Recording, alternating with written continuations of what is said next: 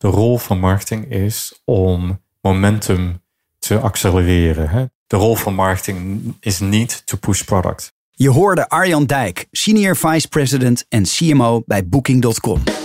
Dit is CMO Talk, de maandelijkse inspiratieboost over actuele marketingthema's. Geleid door Klaas Wijma van bureau Energize.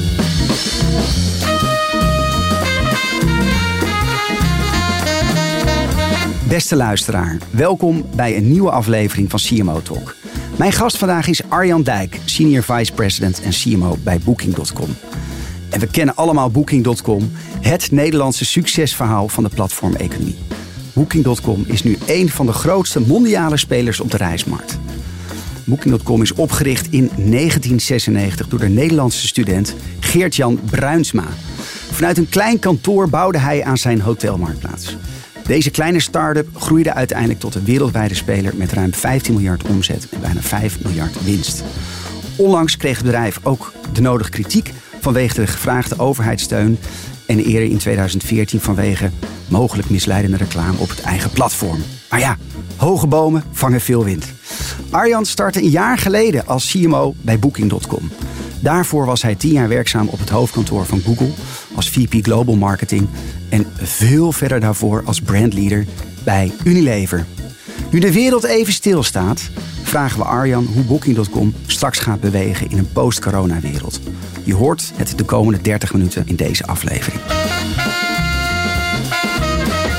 Arjan, welkom en dank voor je tijd. Ja, graag gedaan. Het is toch wat anders, want normaal gesproken heb ik onze gasten altijd hier ja, fysiek in de studio zitten. En ik kijk nu naar een lege stoel. Dat voelt voor mij ook een beetje raar. Nee, precies. En we, ik kan jou ook niet zien, dus, uh, maar ik kan je gelukkig heel goed horen. Hè? We gaan gewoon even oldschool. We, gaan old, we gaan oldschool en op afstand. Hoe kijk jij terug op de afgelopen twee maanden van de coronacrisis, uh, Arjan?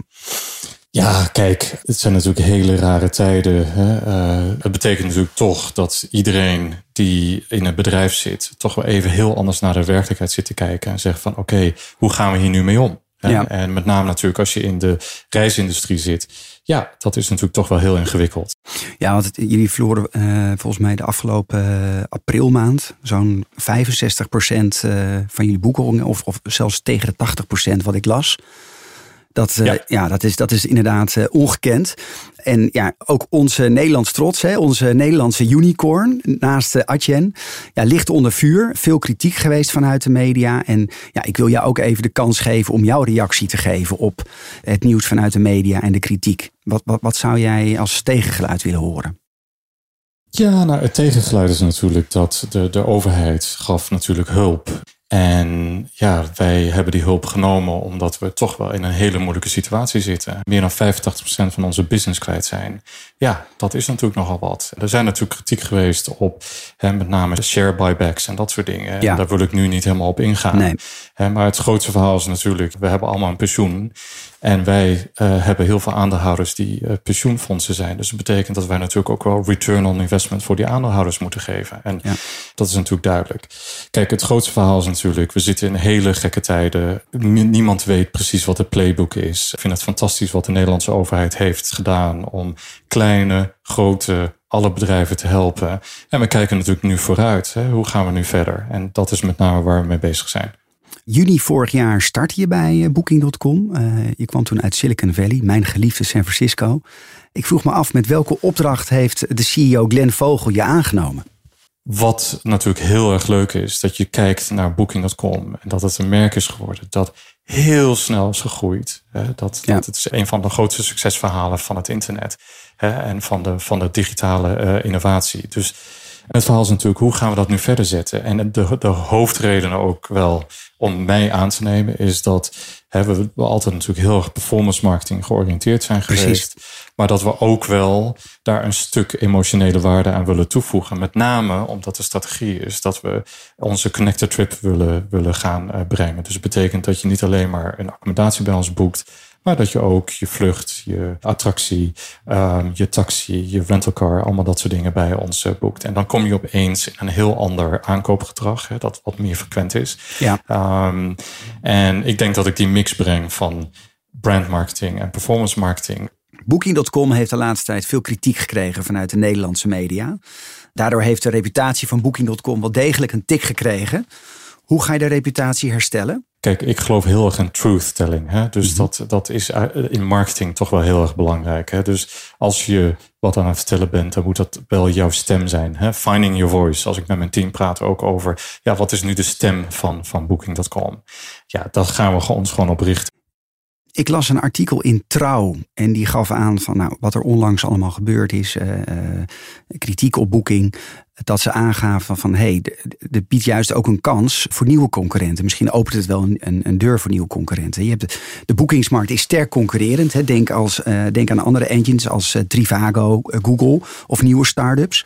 Ehm, hoe, hoe wil je de concurrentie voorblijven? Ja, kijk, het is natuurlijk waar je ook werkt. Als jij een goed product hebt, dat je voor een goede prijs wegzet en je maakt het makkelijk om, om bij je te kopen, ja, daar win je mee. Concurrentie is ook heel gezond en, en daar ben ik ook heel erg voor dat wij ook heel goed naar de markt kijken. Zeggen, nou, hoe kunnen wij beter worden? Hoe, hè, hoe kunnen wij beter onze klanten bedienen? Hoe kunnen we beter partners zijn voor onze, onze wereldwijde partners? Ja. Ik ben benieuwd ook, ook dat ja, deze periode waar je als organisatie... Ik heb het zelf ooit een keer meegemaakt met mijn bureau... dat ik uh, in, in een half jaar tijd de helft van mijn omzet verloor. Nou, dat is verschrikkelijk. Uh, maar wat jullie meemaken is natuurlijk ongekend. Hoe houd je je team ook gemotiveerd en aligned... om uh, te blijven geloven in ja, het langere doel waar jullie voor staan? Ja, kijk, dat is communiceren, communiceren, communiceren. Hè? En het interessante is dat we pas een, een, survey hebben gedaan onder onze employees. En dan zie je eigenlijk dat in crisistijden dat we dat gelukkig heel goed opgepakt hebben. Maar ik zorg er natuurlijk voor dat ik mijn leadership team zeker twee, drie keer per week spreek. Hm. Hè, dat we heel dicht uh, bij elkaar blijven. Dat iedereen precies weet wat, wat we wel en niet uh, gaan doen. En richting jullie klanten. ik kan me ook voorstellen dat daar, ja, daar, daar, veel onrust is over bestaande boekingen, geplande boekingen. Nou, de zomervakantie, dat is nu een hot topic in, in Nederland, hè, onder de politiek. ook op Europees niveau. Wat is je visie erop? Gaan we straks weer allemaal in de zomer vrolijk in een vliegtuig stappen?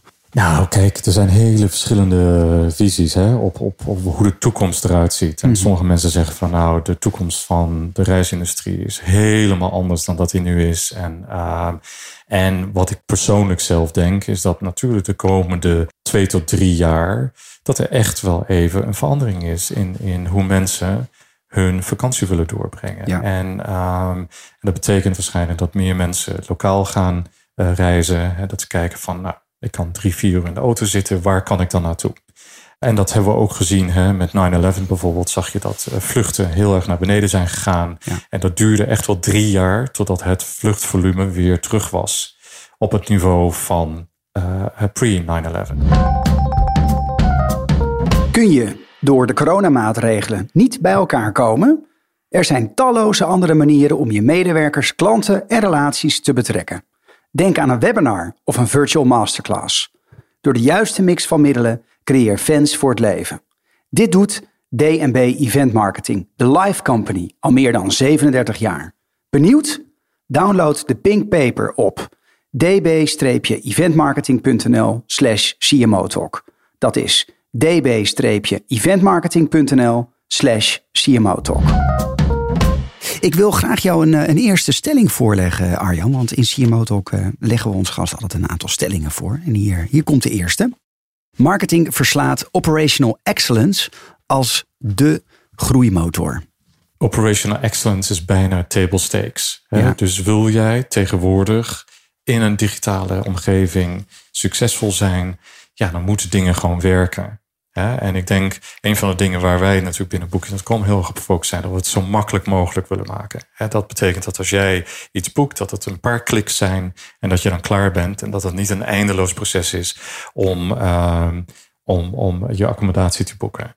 Dus ik zie het meer als table stakes. Ja. En dan marketing. Ja, wat is marketing? Marketing is natuurlijk gewoon je product op een goede prijs via de juiste kanalen uh, neer te zetten. Mm -hmm. en, en daar zit natuurlijk tegenwoordig ook heel veel operational excellence achter. Kijk, ja. ik, ik heb wel eens vragen van, ja, hoe ziet je team er nu uit? Hè? Wat zijn nou het merendeel van de mensen die je in je team hebt? Zijn dat nou generalistische marketers? Wat zijn dat nou? En de tijden van de generalistische marketer is natuurlijk een beetje voorbij. Hè? Dat, ik heb heel veel data scientists, mm -hmm. developers, hè? we hebben UX designers, we hebben behavioral scientists. Want daar gaat het natuurlijk tegenwoordig meer om. Dat je echt kijkt naar elk stapje van de customer journey en zegt van hoe kunnen we het een klein beetje beter maken? Hoe kunnen we het makkelijker maken? Wat resoneert, wat resoneert niet? Je noemde net ook uh, persuasion marketeers. Hè? Dus uh, hoe kan je mensen nou beïnvloeden op het platform zelf? Nou, daar, daar is natuurlijk ook wat nodig over gezegd in het verleden. Van, hè, er zijn nog vijf mensen die, uh, die ook op dit moment aan het boeken zijn. Is nog één kamer beschikbaar.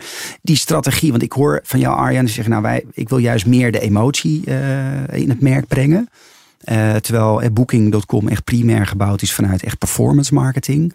Zie je daar in de toekomst nog een, nog een combinatie in? in hè, die, die combinatie van hè, persuasion aan de ene kant, waarbij echt heel wordt, wordt ingezet op het, ja, het, het, het gedragsbeïnvloeding op de, site, op de site door dergelijke technieken.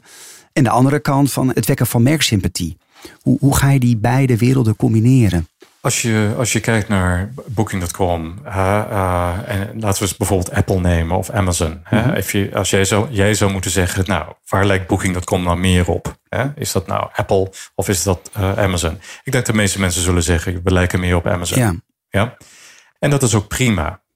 Dus daar geloof ik ook heel erg in. Wij zullen niet een Apple worden. We zullen niet een Nike worden. Dat is absoluut niet het punt. Maar het gaat er mhm. natuurlijk wel om dat we niet gezien willen worden als een puur transactioneel merk. Maar dat mensen ook zeggen, nou weet je wat, Booking.com, joh, die doen het hartstikke goed. Het is heel makkelijk, die hebben de beste keuze, hele goede prijs. En als er wat misgaat, dan kan ik ze bellen. Ja. En uh, we don't want to throw out the baby with the bathwater. Je begrijpt wat ik bedoel. Ja. Alle goede dingen die we hebben, die willen we natuurlijk behouden. Ja.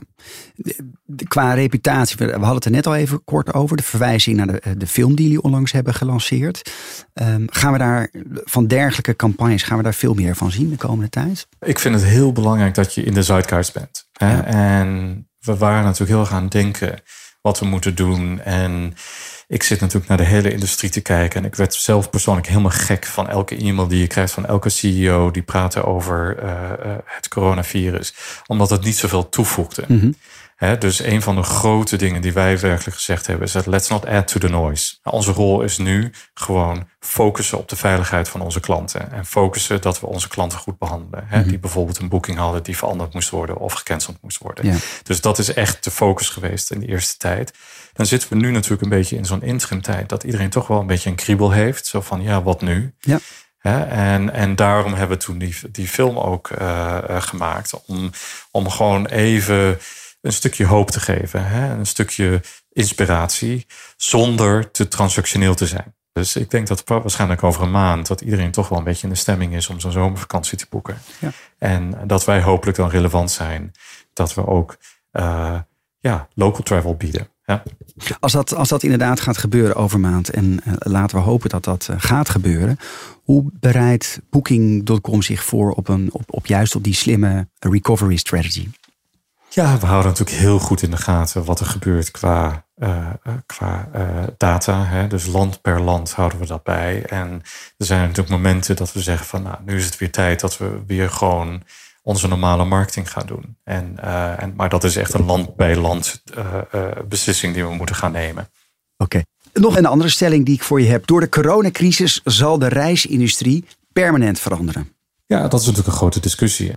Ik denk, wat ik al zei, dat de komende twee, drie jaar echt heel anders zullen zijn. In de hm. zin dat consumentengedrag anders zal zijn. Hotels en accommodaties zullen er ook anders in zitten. Dus dat, dat verandert ook. De, de, het verhaal is natuurlijk dat ik denk dat over drie, vier, vijf jaar we toch wel weer heel snel teruggaan naar een soort normaliteit, uh, hoop ik. Maar ik hoop natuurlijk ook wel dat we wat lessen leren. Hè? Dat zegt, wat, wat was er nou niet zo goed? Wat was er wel zo goed? Hè? Als je kijkt natuurlijk naar uh, het milieu, you know, wat zijn dingen die we mhm. daarin kunnen doen? Als je kijkt over overtoerisme, you know, wat zijn nou de dingen en wat is de rol die wij als platform daarin kunnen spelen? Hè? En daar hebben we natuurlijk een grote rol die we kunnen spelen. Ja, dat zijn natuurlijk mooie dingen dat we er misschien beter uitkomen. Hè? Dat zou nog niet zo gek zijn. Raak jij iedere maand weer geïnspireerd? Laat dan een review achter op iTunes of Stitcher. Want jouw mening telt. Ik heb je nu toch aan de, aan de lijn, Arjan. Ik ga je het ook gewoon vragen. Wat mij opvalt, hè, als ik dan uh, boek bij jullie, dan word ik dagenlang uh, achtervolgd met uh, ja, display ads van hey, we hebben nog meer aanbiedingen. Ik kan me ook voorstellen dat dat, ja, hoe ga je ervoor zorgen dat als je het hebt over die klantreis, hè, ik ben er al geweest dat ik dus niet als klant uh, continu met die boodschap uh, blijf uh, geconfronteerd worden. Is dat, is dat, ja, is dat iets om, om iets, is dat een probleem wat oplosbaar is? Hoe, hoe kijk je daar tegenaan? Ja, dat is natuurlijk een oplosbaar probleem. Kijk, het is natuurlijk dat de ad-platforms nog een beetje achtergebleven zijn. Dat het soms moeilijk is om te zien of jij daadwerkelijk geboekt hebt of niet. Ja. Dus want, kijk, dat idealiter zouden wij dat natuurlijk ook niet doen. Snap je? Nee. Het enige is, je kijkt natuurlijk naar de nummers. En dan als je naar de nummers zou kijken, dan kan het heel goed zijn dat het nog steeds uit kan. Dat jij achtervolgd wordt, snap je? Ja. Um, op, op het web. En, en dat is natuurlijk vaak een beetje het probleem in traditionele dark marketing. Ja. Dat je heel erg gefocust bent op de mensen die responderen. Dus laten we zeggen, stel dat jij een briefje stuurt naar 100 mensen en één persoon reageert. Zeg nou, dat is een fantastische respons. We hebben één persoon uit 100 heeft gerespondeerd. Terwijl je natuurlijk ook moet kijken naar die 99 die ook dat briefje hebben gehad. En dat is vaak de fout die traditionele performance marketers maken en, en, en uh, direct marketers. Hè, dat die dus absoluut en alleen maar op de respons zijn gericht. En je moet ook gewoon heel goed kijken naar wat de effecten zijn van wat je doet op de mensen die noodzakelijkerwijs nu op dit moment niet responderen, maar misschien wel in de toekomst. Precies.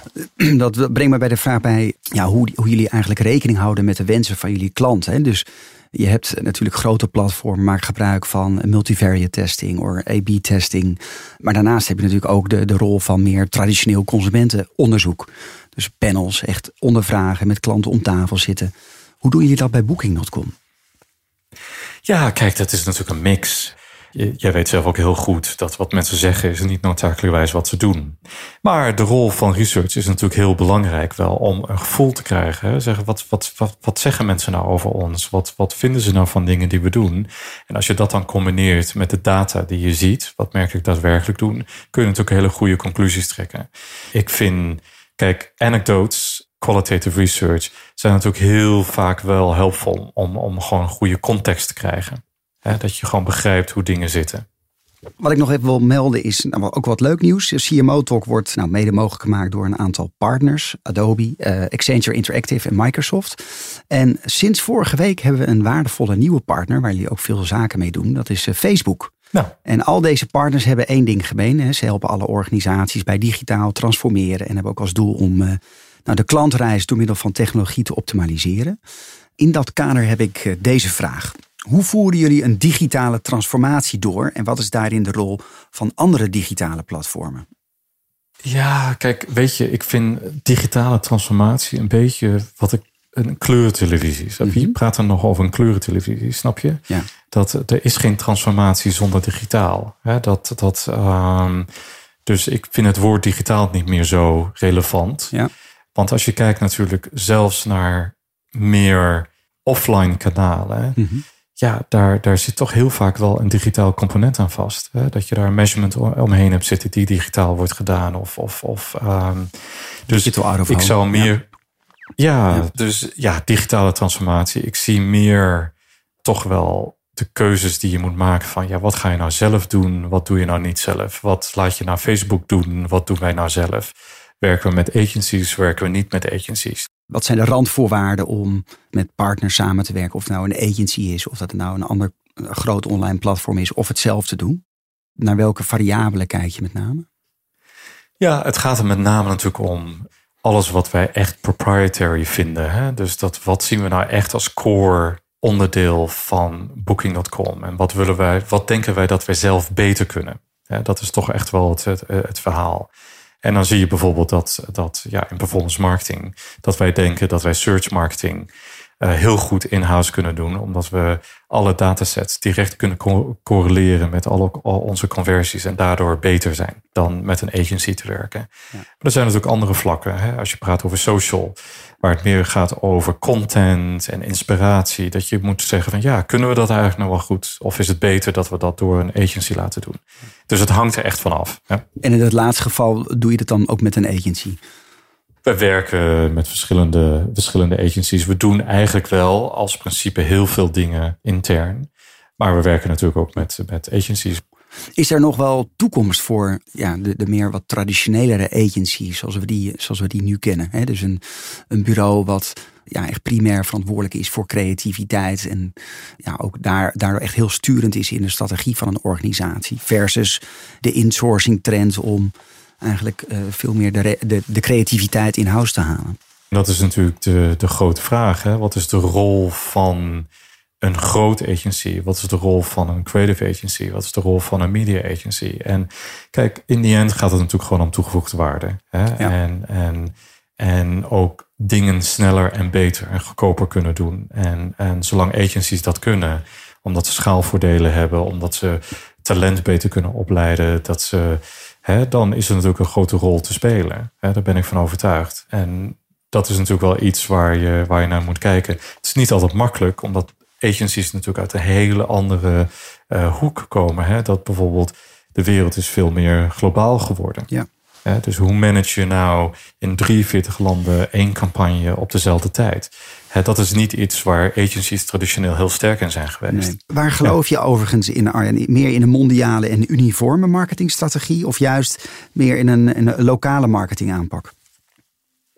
Ja, um, het grote voordeel van de digitalisatie van media is dat het natuurlijk nu echt mogelijk is om campagnes op dezelfde tijd te runnen, op dezelfde manier, dezelfde measurement eromheen te hebben. Dat was vroeger natuurlijk heel moeilijk. En nog steeds, als je naar traditionele media kijkt, ja, als ik de Franse televisie wil inkopen, ja, dan moet ik toch echt wel naar Frankrijk toe. Snap je? Dus dat, daar is nog niet een platform die dat gewoon uniform rond de wereld regelt. Als ik een Facebook-campagne wil doen in 50 landen, ja, dan is dat niet zo heel moeilijk. Dan klik je gewoon aan dat je dat in 50 landen op dezelfde tijd wil doen. Je moet natuurlijk wel lokale relevantie hebben. En dat betekent dat de, de, de, de boodschap die je hebt, dat die relevant is. Dat de taal die je spreekt, dat het niet een soort buitenlands is. Maar kijk, er zijn natuurlijk heel veel dingen die wel hetzelfde zijn. Hè? Dus uh, ik zeg altijd dat een romantisch diner, waar je ook bent in de wereld, is over het algemeen een beetje hetzelfde. Als je in Japan bent, Rusland of in Amerika, een romantisch diner is over het algemeen met twee mensen. Er zijn twee stoelen, er is een tafel. Hm. Er is hard, uh, geen harde muziek, er is zachte muziek. Het eten is misschien anders. Snap je? Ja. maar het concept is natuurlijk toch echt wel hetzelfde. Mooi. Ik wil je ter afsluiting nog een aantal persoonlijke vragen stellen. Is er een les die je heel graag aan luisteraars wil meegeven? Als je het hebt over marketing in de breedste zin van het woord. Ja, nou, het belangrijkste wat ik altijd vind is dat marketing, de rol van marketing is om momentum te accelereren. Hè? De rol van marketing is niet to push product. Nou. Dat, uh, dus je moet toch wel heel erg gefocust zijn ook op je product en zorgen dat je samen met de productmanagers en de mensen die product ontwikkelen, dat je daar heel nauw mee samenwerkt. En, en dat je input geeft en zegt van joh, waarom doen we niet dit? Of waar gaan, waarom gaan we niet die kant op? Dus dat is heel erg belangrijk. Uh, en dat zie je vaak te veel. Dat, dat ja, marketers denken, ik heb een budget, ik heb een team, ik ga gewoon mijn ding doen. Uh, wanneer het echte verhaal misschien niet is dat er marketing moet plaatsvinden, maar dat je iets in het product moet veranderen. Dus dat is, uh, dat is een boodschap die ik wel mee wil geven, omdat ik dat te vaak zie. Je hebt inmiddels de mooiste baan, wat je zelf omschreef, eh, van Nederland als CMO van Booking. Maar die reis om daar te komen is waarschijnlijk niet zonder slag of stoot gegaan. Wanneer in jouw carrière ben je gevallen en, en hoe ben je weer opgestaan? Ja, kijk, ik kan je natuurlijk wel honderd voorbeelden mhm. geven van dingen die niet goed gegaan zijn. Of fouten die je gemaakt hebt. Mm En, um, Welke staat je het meest bij? Wat ik. Ja, joh, ik heb hele grappige. Weet je dat we. Uh, bij Google dat we per ongeluk uh, advertentiekrediet geven van 100.000 dollar, weet je, dat soort dingen. Hè? Ja. Dat, dat, dat, en, ja, en dat je meteen in de pers staat. Uh, dat ik bij bij Iglo werkte ik. Dat, dat had ik de verpakkingen afgetekend. En dan stond de verkeerde ingrediëntendeclaratie op de, op de spinazie à la crème. Ehm, ja, dat zijn van die kleine dingetjes, weet je, waar die toch grote gevolgen hebben. En, uh, en wat je daarvan leert is dat allemaal niet zo erg is dat je fouten mhm. maakt of dat er iets misgaat, maar hoe je daarmee omgaat. Precies. Hè? En dat noemen ze op zijn Engels, noemen ze grit. Hè? Dus dat, dat je gewoon wel even, uh, even, uh, even doorgaat. En op zijn Duits zeggen ze zo mooi, augen zu en durch. Mhm. Hè? Gewoon lekker doorgaan. En zorg ook dat je gewoon een goede houding hebt. Hè? Dat, dat, um, ik zeg altijd van. Um, uh, don't take yourself too seriously, but take the business seriously. Dus, dus dat is gewoon heel erg belangrijk. Dat, natuurlijk neem je je werk heel serieus, maar laten we elkaar nou niet te serieus gaan nemen. Precies. Ja, dus er moet wel tijd zijn voor een grapje. En er moet tijd zijn dat je, dat je toch wel wat, wat lucht uh, ziet. En dat met name in deze tijden ook. Hè? Dat, dat je gewoon wel nadenkt over, nou, wat kunnen wij nou doen? Wat is in mijn controle? Wat kunnen we doen? Wat is buiten onze controle? En ik denk dat dat ook heel belangrijk is. Ben je jezelf ook tegengekomen in deze tijd, deze afgelopen twee maanden? Ik ben er zelf achter gekomen. Ik heb jonge kinderen. Dus ik moest twee maanden samen met mijn vrouw eh, actief uh, homeschooling praktiseren. En ik moet, erachter, ja, ik moet zeggen, ik, geduld is niet mijn, mijn sterkste kwaliteit. heb jij ook zoiets dergelijks? Dat je denkt van, hé, hey, ik, dat is grappig. Ja, het, viel gelukkig wel mee. Hm. Omdat het werk was natuurlijk zo'n wervelwind. Dat je bijna geen tijd had om daarover na te denken. En ik werk natuurlijk ook met heel veel mensen in, in de US. Dus het betekent eigenlijk ja, dat de ochtend, ochtends deal ik met Nederland, maar ja, de, de middag en avond met, met de US. Mhm. Dus dat viel gelukkig nog wel mee. En, maar dat komt wellicht nog wel. Kijk, we zitten nu natuurlijk toch in hele intense tijden. Ja. Dus dat betekent dat we, ja, we moeten gewoon even goed bij de les zijn. Hè? Uh, dat we zorgen dat onze klanten veilig zijn, dat we ervoor zorgen dat onze employees dat we die goed behandelen en dat die, dat die gemotiveerd zijn, et cetera, et cetera. Precies. Wat is het beste advies wat je ooit hebt gehad, Arjan? Nou, ik heb wel een leuke. Het beste advies mhm. kreeg ik van mijn oude baas bij Google wel. En die zegt van, denk eens even goed na. Als jij naar je agenda kijkt en je ziet alle vergaderingen die, die, die er zijn. En jouw naam staat, staat op die dag voor iemand in, in, in iemands agenda. Hoe voelt die persoon zich? Hmm. Is die persoon blij dat hij je ziet? Is die persoon, denkt hij van, ach, oh nee, weer een vergadering met die persoon. Hè? Dus dat je jezelf toch wel even heel erg in de schoenen van iemand anders uh, zet. En Mooi. dat hebben we allemaal, denk ik. Hè? Dat als jij zelf waarschijnlijk naar je agenda kijkt en dan zie je een naam van iemand staan en denk je, ach, nee. Of dan zie je iemand anders staan en zeggen, oh, wat leuk. Kijk er naar uit. En wat je natuurlijk graag wil, is dat mensen toch wel een glimlach op hun gezicht hebben als je ze Precies. spreekt. Hè? Dus, uh, dus dat is wel goed advies. Dat je gewoon, met name natuurlijk ook wanneer je in een groot bedrijf werkt. Hè? Um, ja, dan is communicatie heel erg belangrijk. Uh, je kunt niet alleen maar op e-mail vertrouwen en op chats. Wat een mooi dus advies. Hoe bouw je die relaties? Van, van, van wie was dat? Ja. Van wie kwam dat? Eric Van mijn oude baas bij Google. Uh, nee, nee, nee, nee. Nou, Eric Smit heeft ook hele goede quotes hoor. Dus ja. uh, zeker. Hè? Daar heb ik ook wel een paar van, die oh. ik ook nog steeds gebruik. Ja, kan, kan, je, kan je er één noemen? Nou word ik wel nieuwsgierig. Nou, het, de, die had, Eric Smit had het de dresscode op bij Google, weet je. De, uh, the only dresscode at Google is wear something, weet je. Dus dat, je iets draagt. Hè? Dus, uh, en, en dan moest iedereen dan wel heel hard om lachen. Hè? Helemaal in de stijl van Burning Man. Camp One. Precies. Fantastisch. Ja. Ik ben benieuwd, welk, welk boek ligt er op je nachtkastje? Ja, verschillende boeken. Ik moet eerlijk zeggen, ik lees altijd veel. De afgelopen mhm. maanden is het er een beetje bij ingeschoten. Een van de boeken waar ik eigenlijk nog vanochtend over gepraat heb, is een boek uh, dat heet Extreme Ownership. Mhm. Dat is een, een voormalige marine uh, commando persoon die dat boek heeft geschreven. Hoe zij dat in Amerika doen. Hè? Navy SEAL noemen ze dat. En nu draai ik natuurlijk al heel snel mijn ogen met al die hm. legeranalogieën. Hè, dat je denkt, nou ja, is dat nou helemaal wel wat? Maar het is een heel goed boek, want het laat toch wel zien dat je toch echt ownership moet nemen voor wat je doet. Hè? Hm. Dus als iets niet werkt, uh, ja, dan kun je wel zeggen, ja, dat is niet mijn schuld. Dat is uh, de andere afdeling schuld. Ja, dat is dus niet de houding die je moet hebben. Hè? Dan moet je zeggen, wat kan ik nou doen om te helpen dat mensen in een bepaalde richting gaan. En uh, dus dat boek sprak me heel erg aan en ik uh, kan het eigenlijk iedereen aanraden. Mooi. Ik ga het in de show notes zetten. Ik heb een laatste vraag. Ik interview natuurlijk niet elke dag de CMO van Booking.com. Dat vind ik echt waanzinnig, nogmaals. Um, is er nog een scoop die jij zou kunnen delen voor de luisteraars? Nou ja, we gaan binnenkort toch ook wel heel erg nadenken hoe we weer terug gaan komen. Dus mhm. dan hoop ik uh, dat iedereen ons weer een beetje ziet. En, en um, ja, daar ben ik nu mee bezig. Hè. Dus uh, ja, dat is ook weer niet een hele interessante scoop. Ik ben een beetje vaag, maar ja, zo is het maar. en wordt het een grootse campagne of uh, is het een PR-offensief? Hoe zie je dat voor je? Ja, meer, meer PR-offensief. We gaan toch wel een PR-offensief doen waar mensen naar over dromen. Ja. dus dat is een beetje een... Uh, want we, we, vinden nog niet dat het nou echt tijd is. Nee. Uh, om, om te gaan zeggen boek, boek, boek, boek, boek. Dus, dus laten we nou eerst maar meer inspireren. Je hebt onze uh, brandfilm gezien. Ja. Dus we gaan nog even door om mensen te inspireren. Denk van ja, waar zou je nu naartoe willen? En in een nieuwe context, wat zou je leuk vinden? Ja?